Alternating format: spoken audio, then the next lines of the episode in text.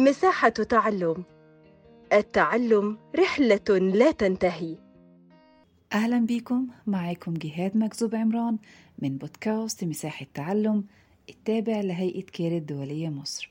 بقدم لكم مراجعة مادة الأحياء للمرحلة الثانوية للعام الدراسي 2021-2022 للمنهج السوداني.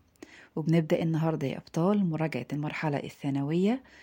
للصف الثاني الثانوي للترم الثاني واللي هنبدأها مع بعض بالوحدة الخامسة يعني هنشتغل من آخر الوحدات يعني من الرابعة والخامسة أو عفوا الخامسة والرابعة والتالتة. تمام؟ نبتدي إن إحنا نراجع الوحدات دي على شكل سؤال وإجابة آه علشان خاطر خلاص الامتحان بتاعتنا على الأبواب. يلا بينا نبدأ مراجعة اليوم للصف الثاني الثانوي. هنراجع فيها مع بعض أول دروس الوحدة الخامسة وهو الجهاز العصبي في الإنسان. طيب خلينا ناخد الموضوع على شكل سؤال وإجابة تثبت أكتر المعلومة في دماغنا ونقدر أكتر إن إحنا آه أيا كان شكل السؤال بإذن الله نقدر إن إحنا نجاوب عليه. بداية عايزين نقول أصلا يعني إيه كلمة إحساس إحنا عارفين إن الجهاز العصبي هو اللي مسؤول عن الإحساس إحساس الإنسان طيب إيه هو أصلا الإحساس؟ عملية الإحساس دي عبارة عن إيه؟ والله إنه الإحساس ده بيكون آه إحساس الكائن الحي أو استشعار أو شعور الكائن الحي بالمنبهات والمؤثرات الخارجية والداخلية فيستجيب لها ويرد عليها. ده كان أول سؤال. طيب خلينا نعرف السؤال التاني بيقول إيه. هل عملية الإحساس قاصرة فقط على الكائنات الحية الراقية أو المعقدة؟ يعني زي فكرة الإنسان زي فكرة الحيوان. طبعا الرد على السؤال ده لأ أو لا. ليه؟ الإجابة لأن بيكون عندنا أو لأن هناك كائنات حية وحيدة الخلية زي الأميبا أو زي الباراميسيوم. كذلك الأمر الكائنات الحية دي بتقدر إن هي تستشعر المنبهات زي الحرارة وزي الحموضة الزائدة وبالتالي بتبتدي إن هي تنكمش وتتقلص وتقدر إن هي تبعد عنها. فدي الإجابة اللي بتقول لا إنه مش كل الكائنات الحية أو عملية الإحساس مش فقط مقتصرة على الكائنات الحية الراقية أو المعقدة لأ دي كمان ممكن تشمل معاها كائنات حية بسيطة أو أولية. طيب السؤال الثالث بيقول ليه عملية الإحساس بتبقى أعلى أو أكبر في الحيوان عن النبات؟ وإزاي ممكن نثبت حاجة زي دي؟ والله الإجابة إنه هي عملية الإحساس في النبات أو عفوا في الحيوان بتكون أعلى وأكبر يعني وشاملة أكتر في الحيوان عن النبات وده راجع لوجود جهازين العضلي والعصبي. اللي من خلالهم الجهاز أو اللي من خلالهم بيتم نقل الإشارات العصبية وبالتالي بيتم تحرك الكائن الحي. إزاي برضو يا ميس يعني بشكل مبسط أكتر؟ أول ما الكائن الحي يبتدي إن هو أو تكون في منبهات حواليه أو بتبتدي إن هي تأثر عليه الجهاز العصبي بيبتدي إن هو ينقل الإشارات العصبية.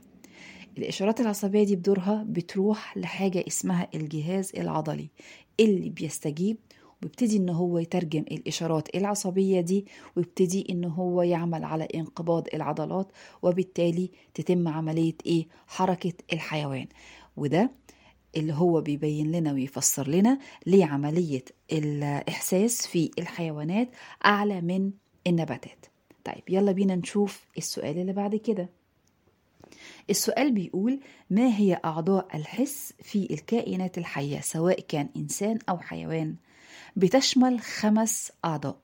واحد العين اتنين الأنف تلاتة الأذن أربعة اللسان خمسة الجلد. يبقى يجيلنا السؤال أكمل. عدد أعضاء الحس في الكائنات الحية أو في الإنسان أو في الحيوان؟ عين أنف أذن لسان وجلد. ممتاز. طيب يلا بينا نشوف السؤال اللي بعد كده واللي بيقول ما هي أنواع المنبهات؟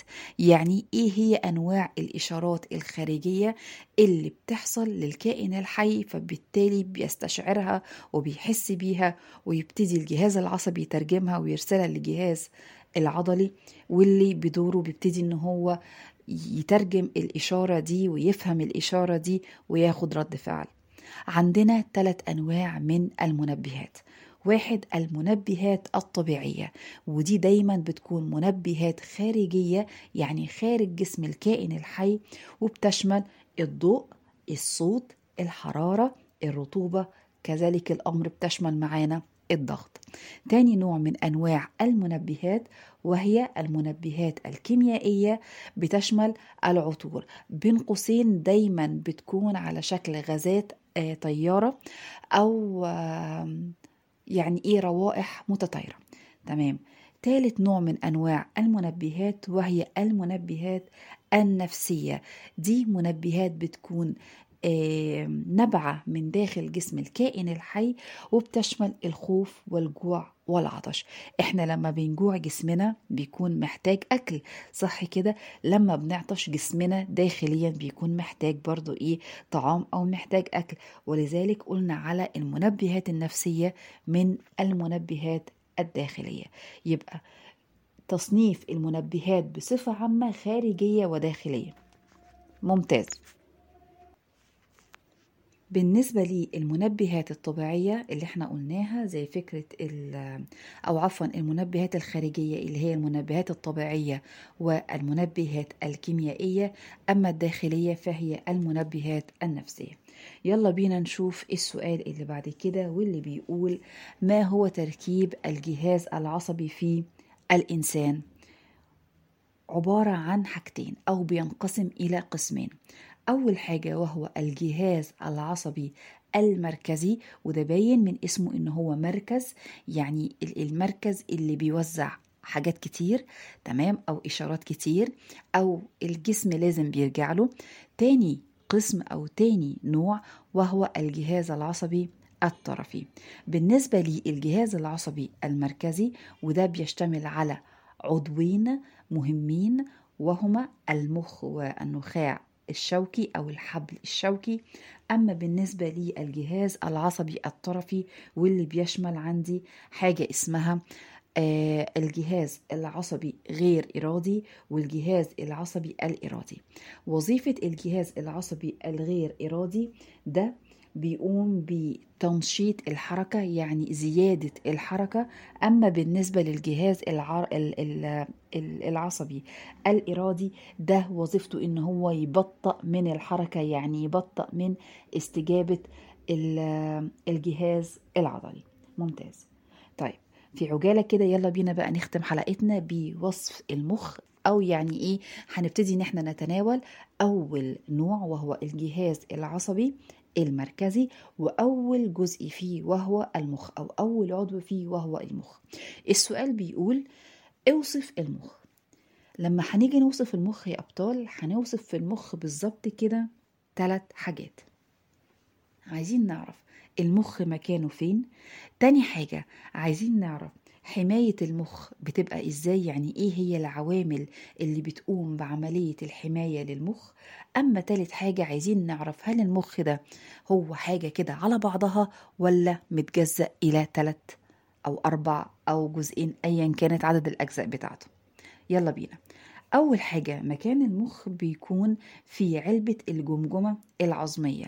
كل أمخاخ ال- ال- الكائنات الحية أو خصوصا يعني الإنسان والحيوان لازم بتكون موجودة داخل الجمجمة.